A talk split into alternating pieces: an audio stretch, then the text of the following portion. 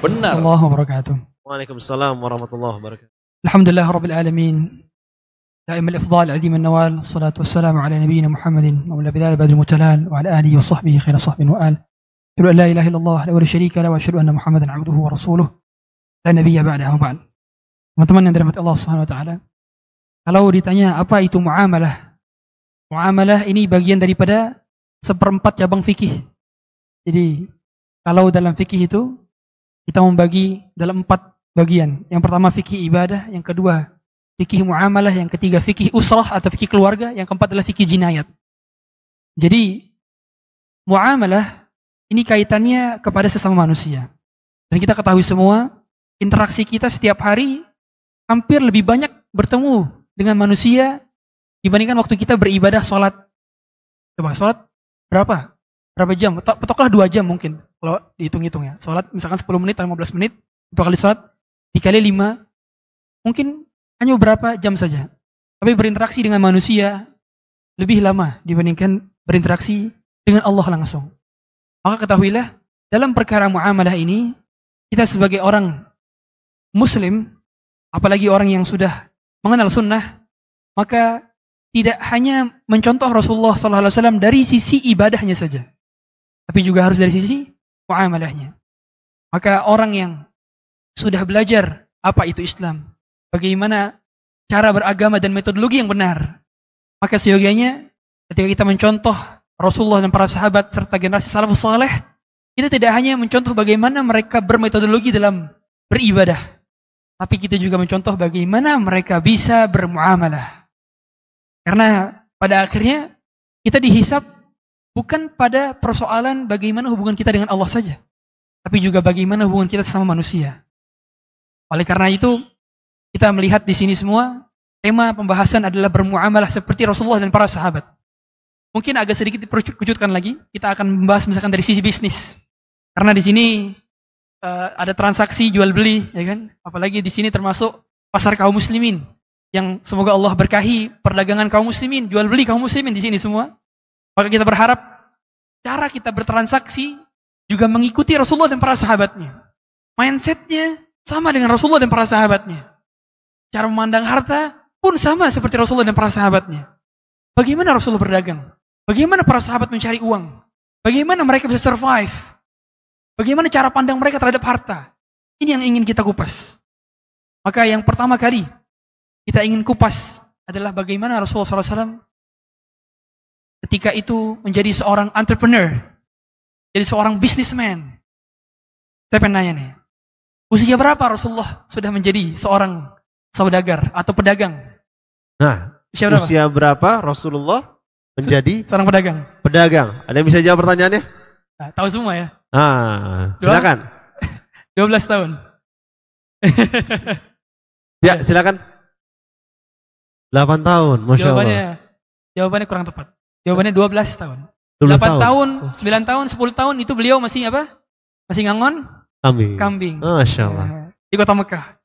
Mulai start doing starting a running a business di usia 12 tahun.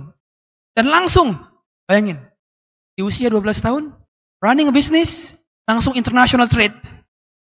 International trade. Kita tahu semua, bagaimana Rasulullah berdagang itu bukan di lokal kota Mekah. Tapi berdagang ke mana? Syam, ke Bahrain, kemudian ke Damaskus. Kemudian kalau ke bawah, selatan berarti ke San'a, ke Yaman. Artinya melakukan international business. Bayangkan.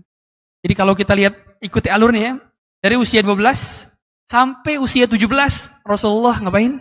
Ikut partner bisnis, join bisnis. Sama siapa? Sama pamannya.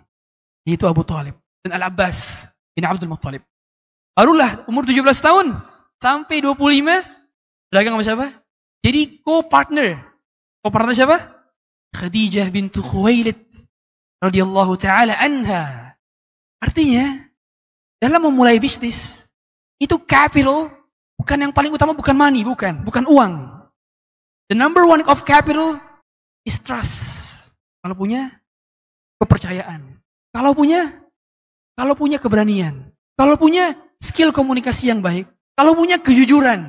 Ini modal Rasulullah SAW. Jadi beliau umur 12 tahun Sampai umur 25 tahun kalau kita lihat bagaimana ketika beliau berdagang, punya capital gak bentuk uang? Enggak, ikut bisnis ke orang. Begitulah cara pandang seorang muslim ketika mau mulai bisnis, dia nggak terpentok pada modal berupa harta. Modal berupa harta itu nomor sekian. Yang penting bagaimana kita memulainya dahulu, mentalnya dahulu. Oleh karena itu banyak dari kalangan bisnismen yang sudah menjadi praktisi dalam dunia bisnis. Mereka mengatakan business is all about mindset. Mindset. Mindset. Jadi pola pikir Rasulullah SAW adalah menjadi pedagang. Karena mengapa? Kalau kita lihat pekerjaan di dunia ini untuk mendapatkan nafkah itu cuma dua doang, Bang Der. Dua doang. Apa itu, Zat? Kalau nggak jadi pedagang, nggak jadi pe pegawai. Ya Mau jadi pedagang? Ya jadi pegawai. Ah, Ya oke. kan? Kalau nggak kita jadi entrepreneur, ya kita jadi karyawan ya. ya kan? Dua aja, dua aja. Nggak ada yang ketiga. Nggak ada yang ketiga. Untuk mendapatkan nafkah, untuk mencari nafkah ya, kita mau jadi pedagang atau jadi jadi seorang pegawai. Tapi pada akhirnya, Islam memang tidak mengharuskan, oh kita harus profesi ini, kita harus profesi ini, enggak. Karena pada akhirnya memang para nabi dan rasul profesinya beda-beda. Ada yang jadi apa? Ada yang jadi kita tahu ngangon kambing, ada yang jadi pekerja seperti Nabi Musa, ada yang jadi raja di pemerintahan berarti kan. Kemudian ada juga yang bisnis. Tapi seluruh Nabi dan Rasul pernah ngangon kambing. Kata Rasulullah SAW, Ma ba'asallahu nabiyan illa ra'al ghanam. Tidaklah Allah mengutus setiap Nabi dan Rasul, kecuali dulunya pernah ngangon kambing. Karena dalam ngangon kambing tersebut, tumbuh jiwa leadership. Dia membangun jiwa leadershipnya dengan ngangon kambing karena butuh kesabaran. Butuh effort. Karena tahu sendiri ya, kambing itu seperti umat manusia. Yang ada sifatnya karakteristik beda-beda. Disuruh ke kanan, ada yang ikut kanan. Disuruh kiri, ada yang apa namanya? Ada yang uh, kabur. Begitulah. Jadi Allah sudah mempersiapkan para nabi dan rasul untuk menjadi nabi. Sebelum mereka menjadi nabi, mereka di training dulu. Training dengan cara ngangon kambing. Nah, kalau Bapak Ibu sekalian dulunya pernah ngangon kambing, itu pengalaman leadership yang luar biasa. Ya. Pengalaman leadership yang luar biasa. Nah, kemudian kita lihat bagaimana Rasulullah SAW ketika berpartner bisnis dengan Khadijah. Berpartner bisnis dengan Khadijah, beliau nggak punya modal. Tapi beliau menjadi co-partnernya. Berakad mudarabah. Mudarabah. Inilah bisnis yang syar'i. Akad mudarabah. Yang konsep dalam bisnis dalam Islam itu ternyata terbukti proven. Proven. Apa konsep dalam Islam? Ringan sama dijinjing, berat sama di pikul. Atau dalam bahasa lain adalah high risk, high return. Kan gitu. Jadi konsep dalam Islam itu jangan sampai pola pikir kita banyak sekali orang mau gak join bis- bisnis investasi di saya. Tapi nanti setiap bulan kamu dapat bagian sejuta atau lima juta. Ini bukan investasi nih. Kan dijamin tuh. Hartanya dijamin dia. Ya, dia ya, dapat ya, dapat tiap bulan dapat uang. Nah, bisnis dalam Islam tuh nggak kayak gitu. Kalau lagi untung ya untungnya dapat banyak, kalau lagi rugi ya sam- sama-sama nanggung kerugian. Artinya konsep bisnis yang syar'i itu telah dicontohkan oleh Rasulullah SAW. Kalau kita mau ngikut sukses kita dalam dunia kita, tidak hanya di akhirat tapi juga sukses di dunia. Kita juga lihat bagaimana sahabat yang paling masyur. Siapa sahabat yang jago bisnisnya siapa? Coba Abu teman-teman? Bakar, Utsman. Nah, banyak ya. Masya Allah. Hampir setiap sahabat itu saudagar. Hampir. Hampir setiap sahabat adalah seorang saudagar. Seorang entrepreneur. Makanya ada sebuah hadis yang ini memang hadis daif. Ya. Tapi banyak para ulama mensyarah hadis ini. Bahwa 10 atau 9 dari 10 rezeki itu datang dari apa? Perdagangan. Satunya dari apa? Dari PNS. Artinya apa? Artinya memang untuk bisa mendapatkan apa namanya em, ketenangan juga kita bisa waktunya lebih luang. Ya para sahabat tahu bahwa mereka lebih banyak waktunya untuk menuntut ilmu dengan Nabi kalau mereka berbisnis. Makanya dulu Umar bin Khattab itu ganti-gantian nuntut ilmunya Bang Dar. Sama tetangganya di Ansor. Kalau sekarang saya nuntut ilmu sama Nabi, kamu sekarang kerja. Besok saya kerja, kamu nuntut ilmu bareng Nabi. Kerjanya ngapain? Bisnis. Bisnis. Ya. Dan juga kita tahu semangat mereka, giat mereka dalam berbisnis, ini tujuannya supaya support dakwah Rasulullah SAW. Jadi begitu pula mindset kita, mindset kita sebagai seorang pebisnis entrepreneur, Nah, di sini saya yakin banyak para para pedagang nih, baik online shop maupun offline shop, agar mindset kita memiliki kebermanfaatan bagi umat. Gitu. Jadi pada akhirnya bisnis is not all about money, bukan cuma tentang duit, bukan. Tapi bagaimana kita bisa mempekerjakan orang, membuka lapangan pekerjaan, sekaligus ada pemberdayaan yang kita berdayakan dari umat, terkhusus umat muslimin. Maka terlebih lagi ini halal fair nih kita dukung. Karena pasar kaum muslimin kita dukung. Dahulu bagaimana kita lihat Rasulullah SAW ketika datang ke Madinah, yang pertama kali beliau buat apa? Masjid. Yang kedua apa? Pasar. Beliau bikin pasar sendiri. Dahulu pasar dimonopoli orang-orang Yahudi. Orang Yahudi. Itu banyak kecurangan. Maka Rasulullah buat pasar sendiri. Awalnya kecil-kecilan. Lama-lama pasar tersebut Rasulullah buat mekanisme sistem pasar yang tidak boleh ada ada kecurangan, ada riba, ada gharar. Rasulullah yang atur semua. Maka begitu pula, wahai para pedagang sekalian, saya wasihati, saya diri saya pribadi dan juga kalian masing-masing agar senantiasa mempelajari fikih muamalah. Fikih muamalah. Karena dalam hal ini, kalau kita mau mencontoh Rasulullah bagaimana bermuamalah, berarti kita harus paham apa akad yang dilakukan oleh Rasulullah? Apa akad yang diharamkan oleh Rasulullah? Apa bagaimana mekanisme perdagangan yang dihalalkan oleh Rasulullah? Bolehkah pricing harga? Bolehkah banting-banting harga? Bagaimana ketika najas? Bagaimana jual beli follower? Hukumnya seperti apa? Banyak perincian-perincian yang bisa diterapkan di masa sekarang. Allah. Banyak. Dan itu merujuk ke mana? Ke dalil. Ada dalilnya. Bagaimana Rasulullah Rasulullah SAW najas?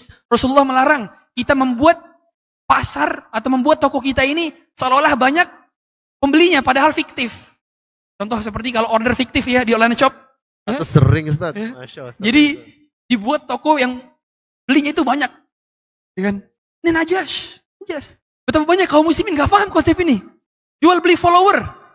Follower dibeli nih. Uh, uh, siapa di dibeli sini? nih. Dibeli follower. Itu kan najas juga. Najas juga.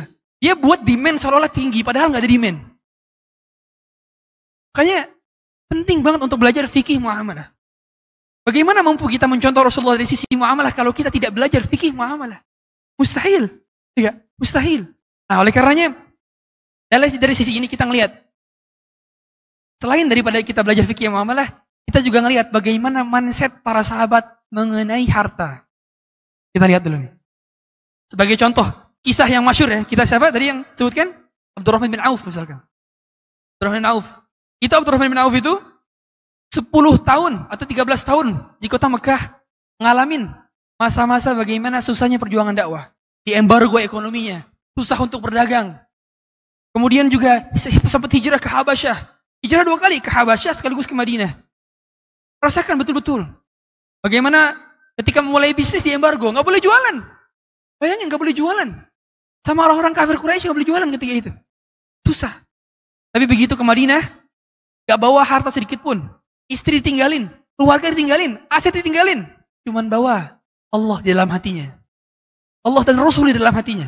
Ketika datang ke Madinah, dipersaudarakan oleh Rasulullah SAW. Karena Rasulullah paham, kalau ada orang yang kesusahan datang ke kota Madinah, ini akan membuat masalah sosial baru. Itu apa? Pengangguran. Maka Rasulullah punya nizam ta'akhi. Nizam dipersaudarakan. Ansar dipersaudarakan oleh kaum muhajirin. Sa'ad bin Rabi dipersaudarakan oleh Rasulullah dengan Abdullah bin Auf. Salman Al-Farisi disaudarakan dengan Abu Darda. Banyak dipersaudarakan. Maka kita lihat ketika itu. Abdurrahman bin Auf ditawarin. Inna. Saya punya harta. Setengahnya buat kamu, setengahnya buat saya. Saya punya dua istri. Yang satu nanti saya ceraikan, selesai masa idahnya kamu nikahi. Yang satu lagi buat saya. Mau gak kamu? Kira-kira gimana nih Pak? Kalau kita seperti Abdurrahman bin Auf, susah. Susah pada susah. Gak punya uang, gak punya keluarga, hidup sebatang kara, tinggal di tempat yang belum pernah tinggal di tempat tersebut. Apa pikiran kita juga? Tapi luar biasa. Mindset Abdurrahman bin Auf. Paham bahwa sabda Rasulullah SAW, Ma yaftahu abdun ala nafsihi. Rasulullah dalam sebuah hadis riwayat Ahmad dan An-Nasai tidaklah hamba membuka pintu bagi dirinya mas'alatan dia minta-minta kepada manusia berharap kepada manusia illa kallafallahu alaihi faqr. Oh kamu Kecuali diberikan kepadanya pintu kefakiran. Abdurrahman faham. Abdurrahman bin Auf faham bahwa ketika berharap kepada manusia pasti dia dihinakan seperti orang fakir. Hukum asalnya kalau kita lihat itu halal kita dapat pemberian orang hibah, apalagi lagi butuh, boleh. Abdurrahman bin Auf cuma bilang barakallahu fi malika wa ahlik. Semoga Allah berkahi hartamu dan keluargamu. Cuma satu permintaannya. Walakin dullani ala suq. Coba tunjukin kepada saya di mana pasar. Gimana tunjukin pasar Bang Dar? Tunjukin pasar. Artinya Abdurrahman nggak butuh kepada manusia. Begitulah. Kalau kita sudah berharap kepada Allah, cuman Allah yang menjadi tempat untuk kita meminta. Cuman Allah yang kita ketuk pintunya. Cuman Allah yang kita sebut dalam lisan-lisan kita. Maka Allah akan berikan peluang. Allah akan berikan jalan yang tidak ada jalan lain selain daripada jalan Allah Subhanahu wa taala. Harus yakin. Seorang entrepreneur, tawakalnya lebih besar tentu daripada para pegawai yang dapat income bulanan, ya Apalagi freelancer. Ya Income-nya nggak tetap tuh. Minggu ini bisa dapat segini, bulan depan bisa dapat segini. Tapi itulah tawakalnya yang yang luar biasa. Maka para sahabat memiliki ketawakalan yang tinggi bahwa pendapatan didapat bukan dari hasil kerja kita, tapi murni dari pembelian Allah Subhanahu wa taala. Maka ketika itu Abdurrahman bin Auf di hari pertama dia berdagang, dia sudah dapat banyak perbekalan. Dagangnya gimana Ustadz kan gak punya modal. Karena jadi reseller. Reseller. Jualin produk orang. Ngambil produk orang, jualin, dapat fee. Kalau dalam sekarang berarti ada affiliate program, ya kan? Sebar link, tentunya sebar linknya produknya halal dan legal, nggak boleh pakai musik, nggak boleh ada aurat terbuka, itu syaratnya itu affiliate program, baru boleh.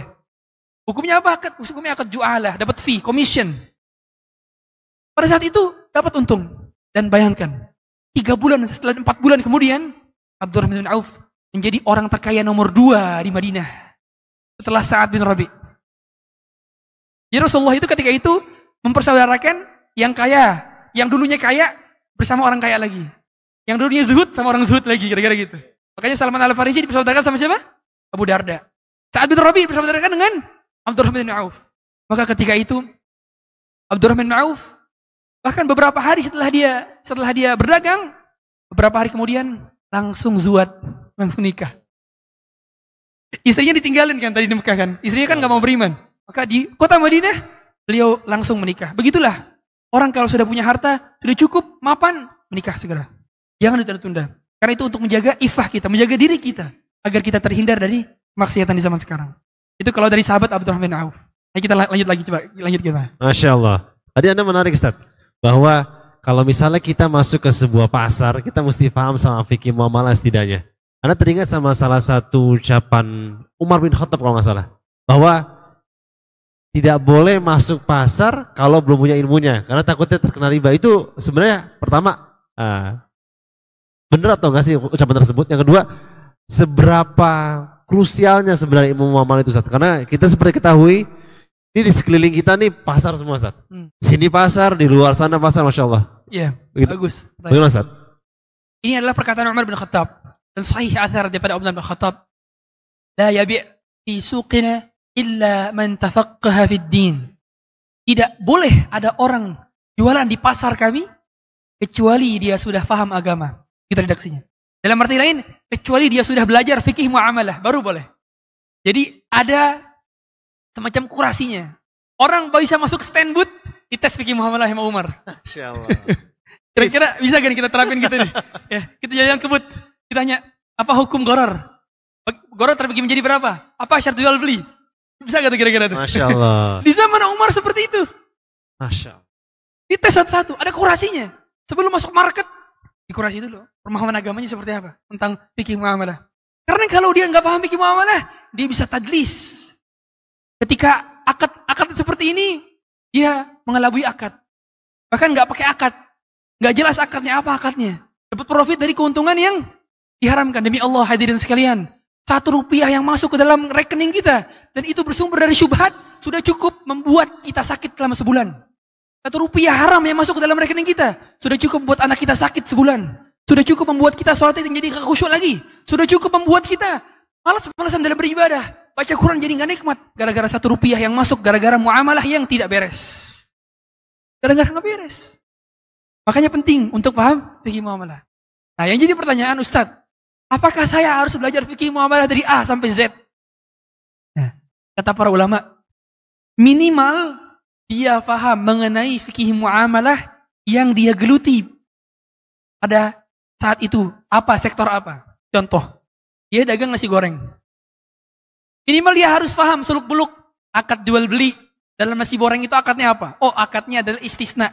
Karena pedagang itu ketika dapat tawaran apa namanya orderan, biasanya orderannya apa? Gak, gak langsung bayar kan? Bayar di akhir kan kalau kita beli nasi goreng kan? Itu akadnya apa? Oh kata istisna. Oh kata istisna itu kayak gimana konsekuensinya? Anda misalkan dagang di online. Oh ada akad dropshipping. Bagaimana akad dropshipping Ustadz? Boleh gak nerima customer yang dropship? Akad di, misalkan di, di marketplace. Ada pay letter. Bagaimana Ustadz kalau ada customer pakai pay letter? Boleh gak kita nerima? Banyak perinciannya itu. Iya. Banyak perinciannya. Itu minimal kita harus paham itu. Subjek dan sektor di mana kita berada, sekaligus kita paham. Oh ternyata hukumnya ini, detailnya ini. Makanya penting bagi kita untuk ikut kajian fikih-fikih mu'ala. Banyak Ustaz-Ustaz, Ustaz Ustaz Erwandi, Ustaz Amin Rubai, Ustaz Musyafa Adar ini. Beliau fakih di dalam fikih mu'amalah. Belajar pada beliau-beliau, hafidhahumullah. Maka dalam hal ini, minimal dunia yang kita geluti, misalkan dunia event organizer, atau dunia wedding organizer, atau dunia kuliner, atau dunia di sektor pertanian, di sektor pertambangan, semua di sektor-sektornya. Minimal kita tahu hukum fikih muamalah pada sektor yang kita geluti pada saat itu. Gak perlu tahu sektor saham, karena kita nggak geluti sektor saham misalkan. Bursa efek nggak perlu, nggak tahu, karena kita nggak geluti ke sana. Tapi kalau mau geluti ke sana harus tahu fikih muamalahnya seperti apa hukumnya. Seperti apa gitu. Maka dalam hal ini untuk membangun kesadaran hal tersebut dibutuhkan takwa. Maka seorang yang berbisnis, berdagang, itu harus memperkuat takwanya. Takwanya. Karena kenapa? Karena dunia bisnis itu kotor. Dunia bisnis itu kotor. Bahkan dalam sebuah hadis Rasulullah sempat katakan bahwa aswaul makan amakin indallah as-suq. Oh, Tempat terburuk di muka bumi adalah pasar. Rasulullah katakan demikian. Maksudnya apa? Selama pasar tersebut tidak menerapkan hukum syariat. Artinya, kalau pasar tersebut masih menghukumi hukum tadlis, ada barang dagangan, ini ditutupin aibnya. Dia jual mobil, padahal ada cacat. Udah berkali-kali jatuh, tapi nggak dibilangin. Nah, jual produk, ada cacatnya. Udah dijual.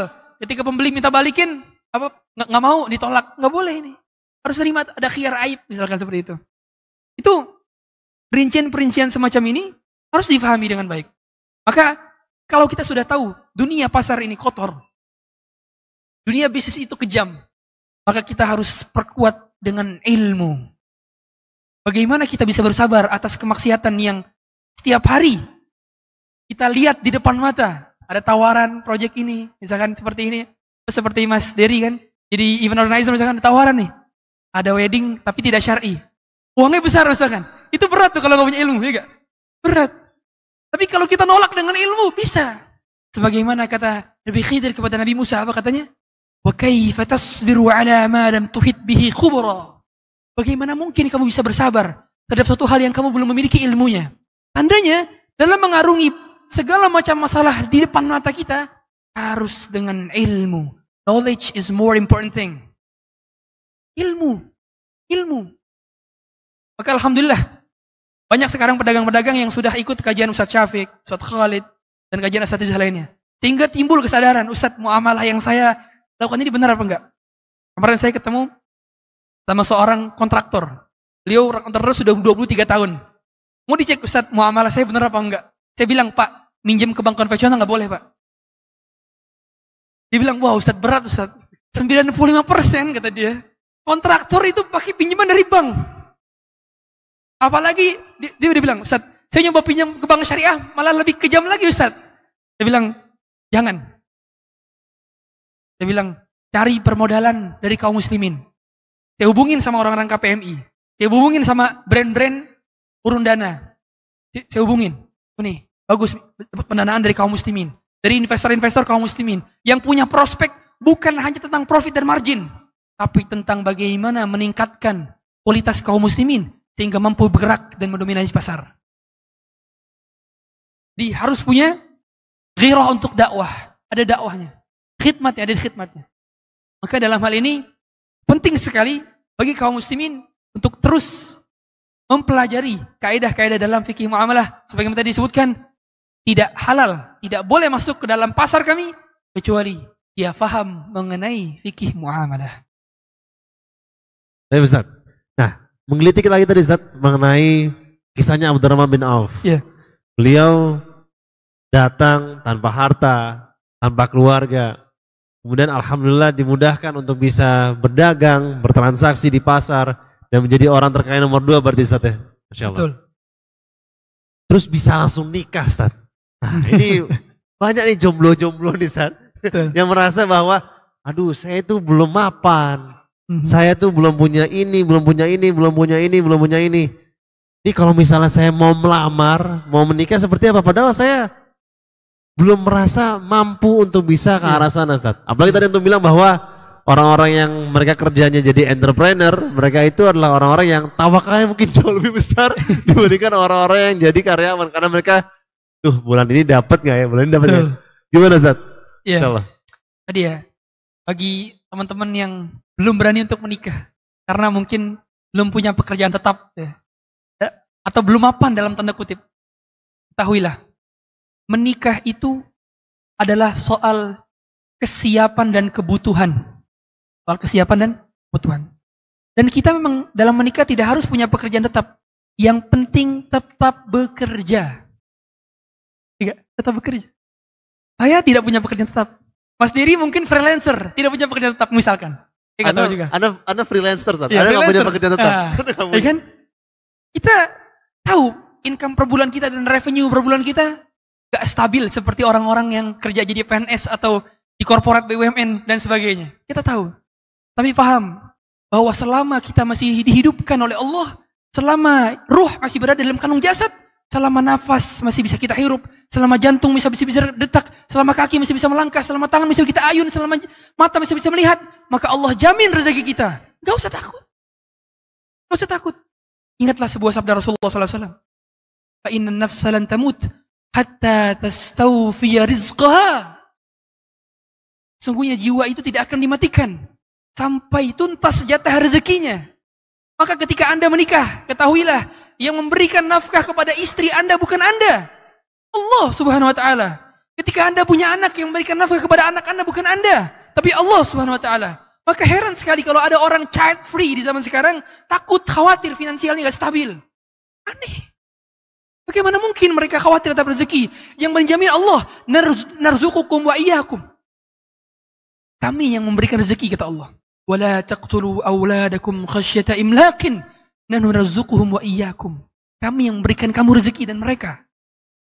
Maka saya sering bilang, kalau kita menikah, kita menikah nih, punya istri, istri makan itu dia makan dari jatah rezeki dia. Bukan jatah rezeki kita, jatah rezeki kita ah, kan aman. Segitu-gitu aja. Kan gitu mindsetnya, ya Kita punya anak, satu, dua, tiga, empat, lima. Apakah anak-anak yang makan dari uang kita tersebut, itu ngurangi jatah rezeki kita? Kagak. Kagak ngurangin. Mereka bawa jatah rezeki mereka sendiri. Pun begitu. Kalau kita ngasih makan orang, jamu tamu, ngeraktir orang. Hakikatnya, mereka makan jatah rezeki mereka sendiri. Tapi kita dapat pahalanya. Iya Contoh, saya naktir Mas Der nih. Mas Der, ayo makan. Ya, Ustaz. Ajwa Tristo. Amin. Abis ini boleh, Ustaz. Abis ini boleh, Ustaz. Abis ini boleh.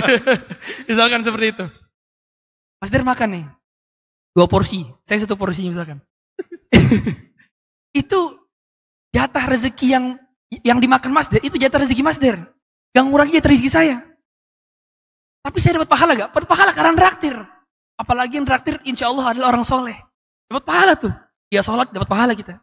Karena energinya dipakai untuk ketaatan. Maka kalau seorang yang beriman, apalagi pembisnis ya, sudah paham konsep rezeki seperti apa, tenang hidup.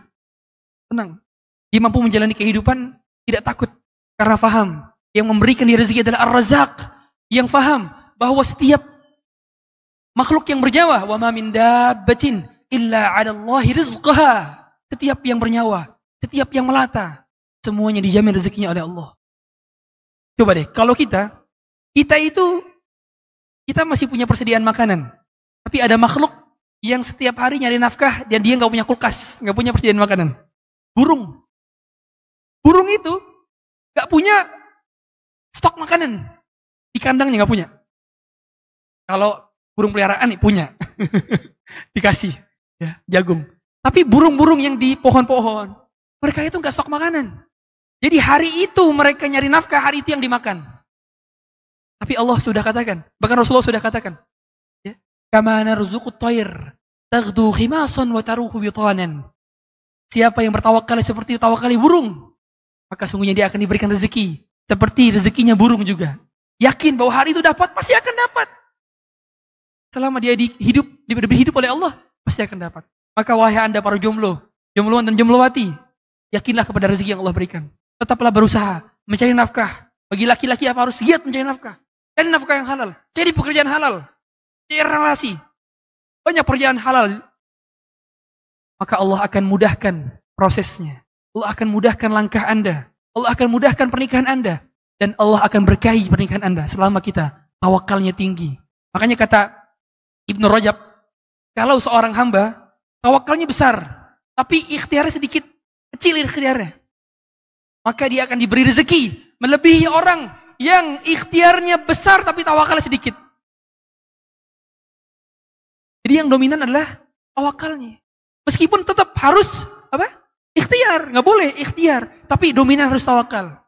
Orang yang tawakal besar, tapi ikhtiar kecil, dia akan diberikan rezeki. Tidak sama seperti orang yang ikhtiar besar, tapi tawakalnya kecil. Libatkan Allah selalu dalam prosesnya. Bergantunglah kepada Allah. Jangan pernah mengandalkan diri kita. Sesungguhnya otak kita ini lemah, IQ kita ini lemah, diri kita ini lemah. Manusia itu lemah. Kok mau bertawakal kepada diri sendiri? Kalau kita bertawakal kepada batang-batang akan rapuh.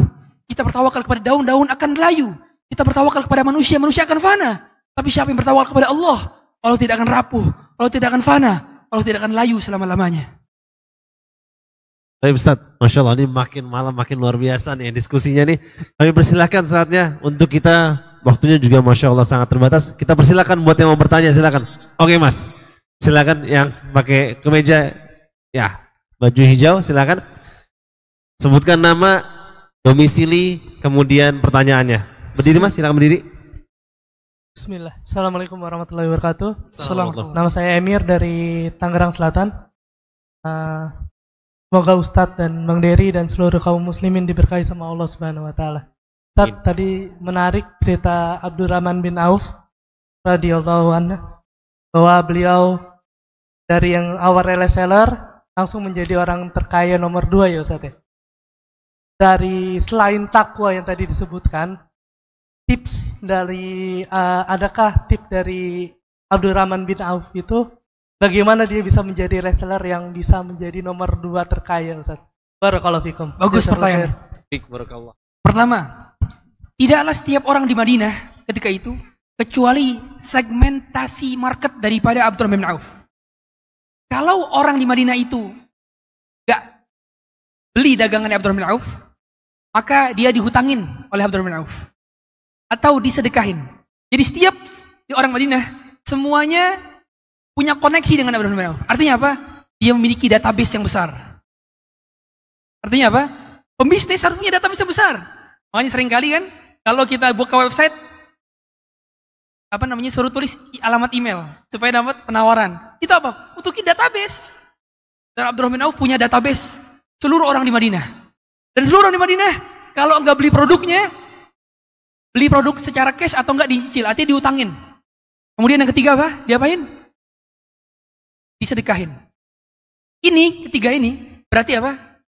Dibuat market loyalty. Jadi market itu dibuat loyal. Orang kalau kita sedekahin nih, kita punya dagangan yang lengkap, toko ABCD, semua lengkap di situ perabotan segala macam.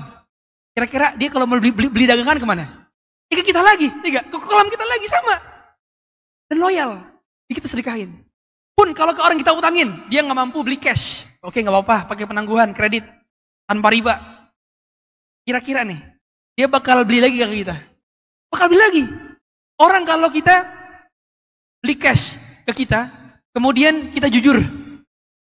Dan konsep bisnis Abdurrahman bin Auf, tidak ada produk yang dijual kecuali berkualitas. Jadi nggak jual produk yang tidak berkualitas, nggak jual.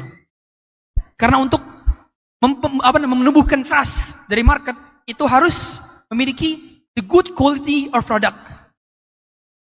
Harus bagus produknya.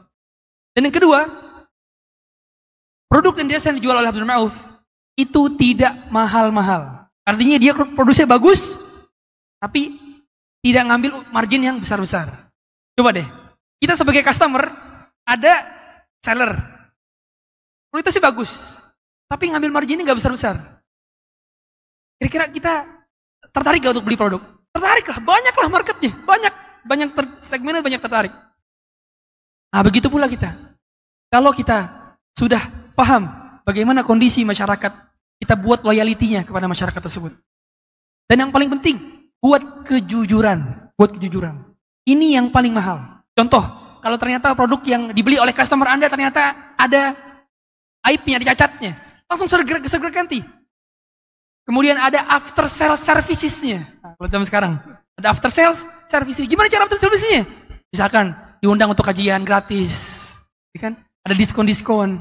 Itu, ya jadi dibangun apa kedekatan customernya. Makanya dalam dalam manajemen itu kan ada um, CRM ya, CRM, uh, Customer Relationship Management. Ya kan? Bagaimana kita berhubungan dengan customer sehingga customer tersebut loyal, mau beli lagi, ada repeat order, repeat order. Maka untuk menemukan semacam ini butuh pelajaran juga, melihat market pasar. Kalau di zaman konteks sekarang banyak sekali apa namanya kelas-kelas bisnis yang memang praktikal di zaman sekarang. Maka kita bisa combine. Selama itu tidak bertentangan dengan fikih muamalah, strategi bisnisnya. Kita bisa combine tersebut. Dan yang paling penting, ingat paling penting gini. Ini semua tools. Semua tools. Dan saya ingin tekankan. Yang membuat Abdurrahman menjadi kaya ketika itu bukan semata-mata karena dia cerdas. Tidak. Mungkin persentase dia mendapatkan kekayaan tersebut mungkin 0,001 persen dari usaha dia. Sisanya given, murni dari Allah. Given. Dan itu saya coba istimbatkan, itu berasal dari tingkat ketawakalan yang tinggi. Orang kalau sudah tawakal tinggi, bagaimana kita katakan apa dalam dalam surat At-Talaq, "Wa man yatawakkal 'ala Allah fahuwa hasbuh." Allah yang cukupin. Coba, yang cukupin bukan lagi bos, bukan lagi atasan, bukan lagi orang terkaya, tapi Allah Al-Ghani. Dialah yang maha kaya. Siapa yang mampu menandingi kekayaan Allah Subhanahu wa taala? Maka kalau kita sudah tawakalnya tinggi, Allah yang mencukupkan. Allah yang akan memberikan kekayaan. Makanya dulu pernah ada sahabat Abu Sa'id Al-Khudri. Abu Sa'id Al-Khudri ini anak muda dari kalangan Ansor, miskin. Sama istrinya disuruh datang ke Nabi. Karena Nabi ketika itu lagi bagi-bagi bagi-bagi sedekah. Nabi itu dapat gonimah tuh nggak pernah disimpan.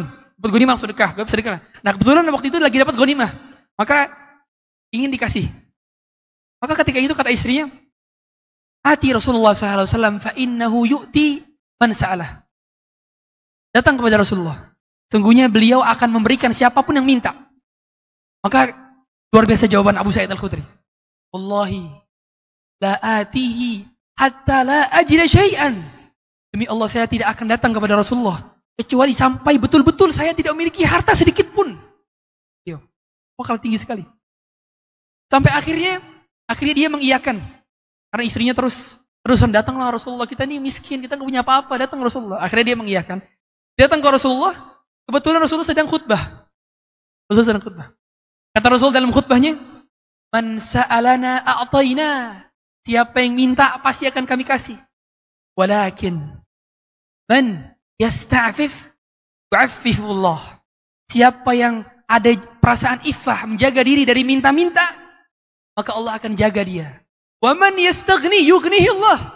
Siapa yang merasa cukup, cukup bagi Allah yang memberikan dia.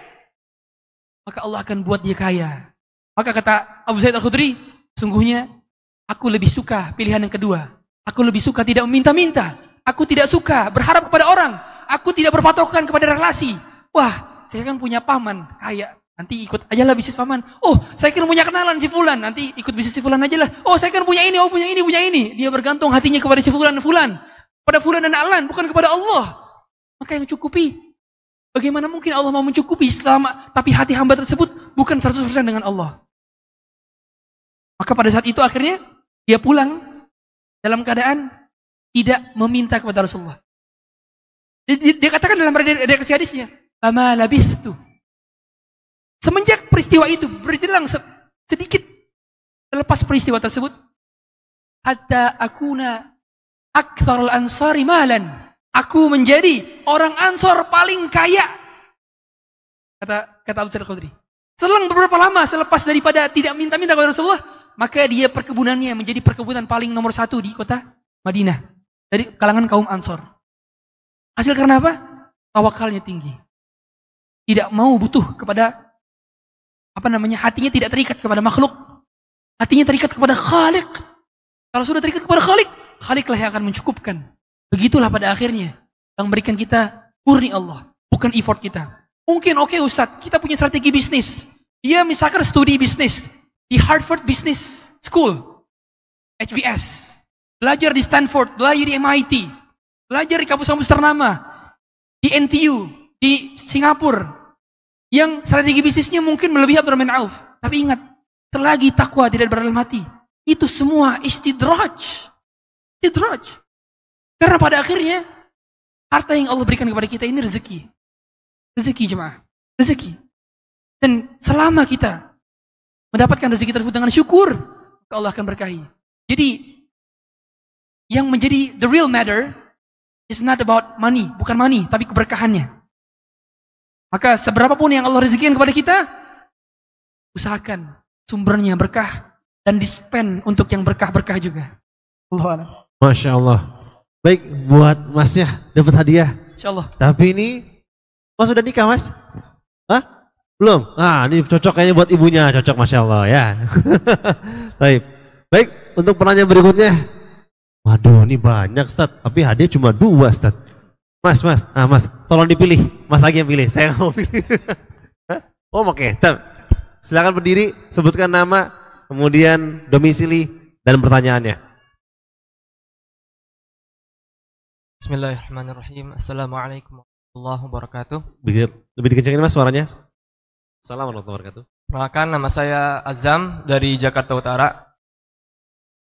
Sebelumnya terima kasih buat panitia telah kasih waktu buat pertanyaan.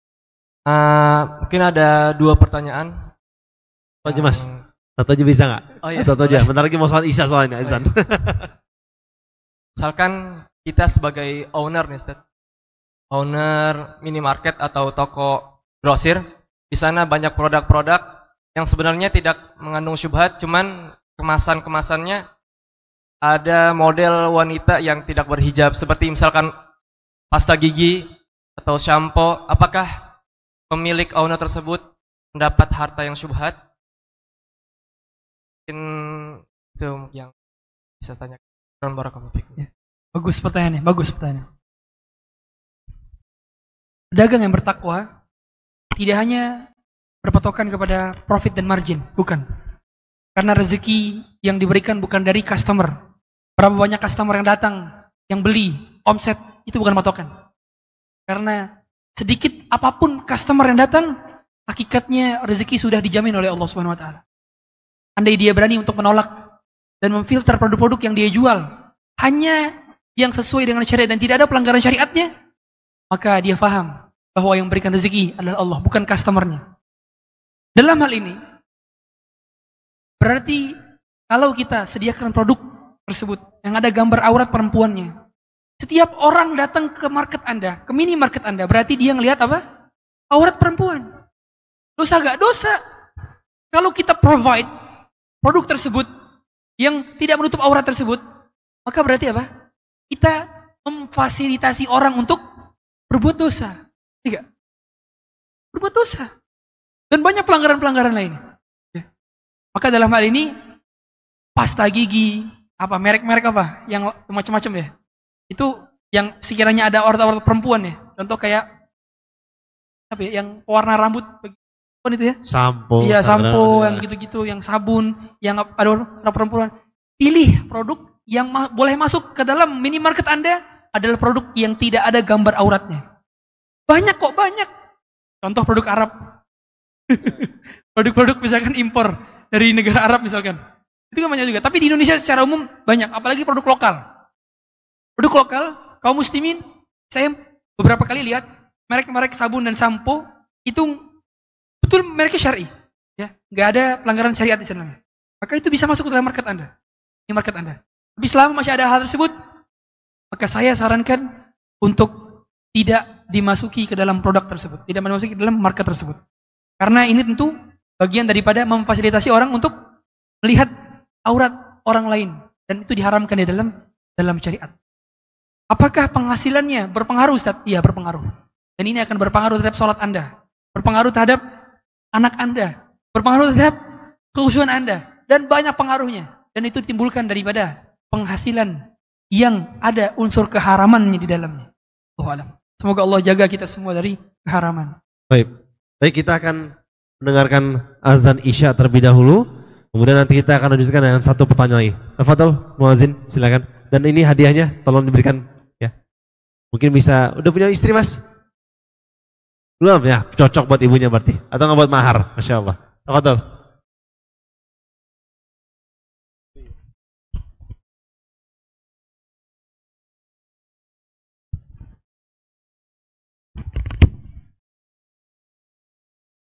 Allahu Akbar, Allahu Akbar. الله أكبر الله أكبر. أشهد أن لا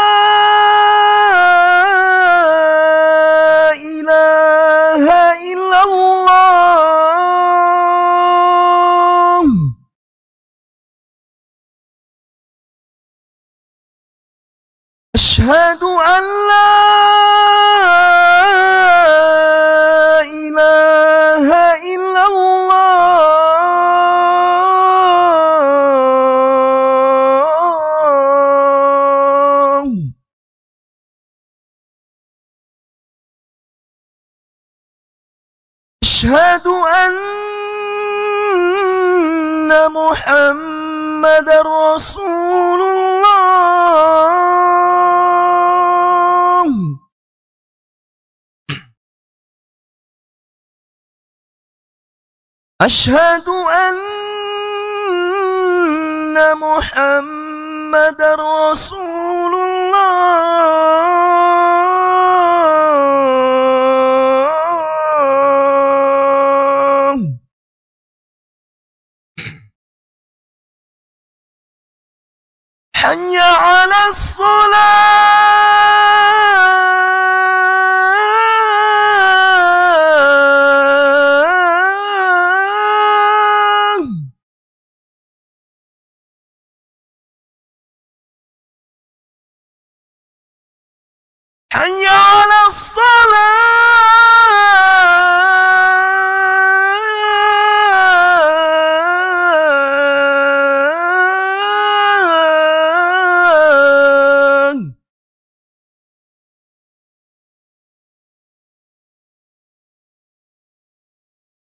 حي على الفلاح.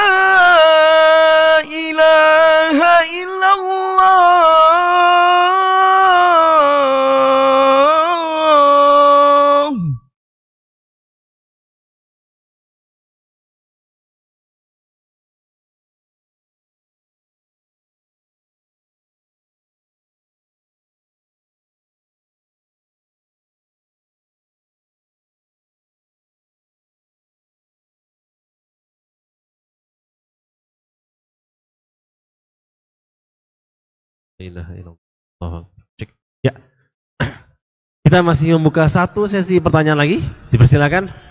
Waduh banyak banget Ustaz. Ustaz, antum yang pilih deh Ustaz. Antum yang pilih Ustaz.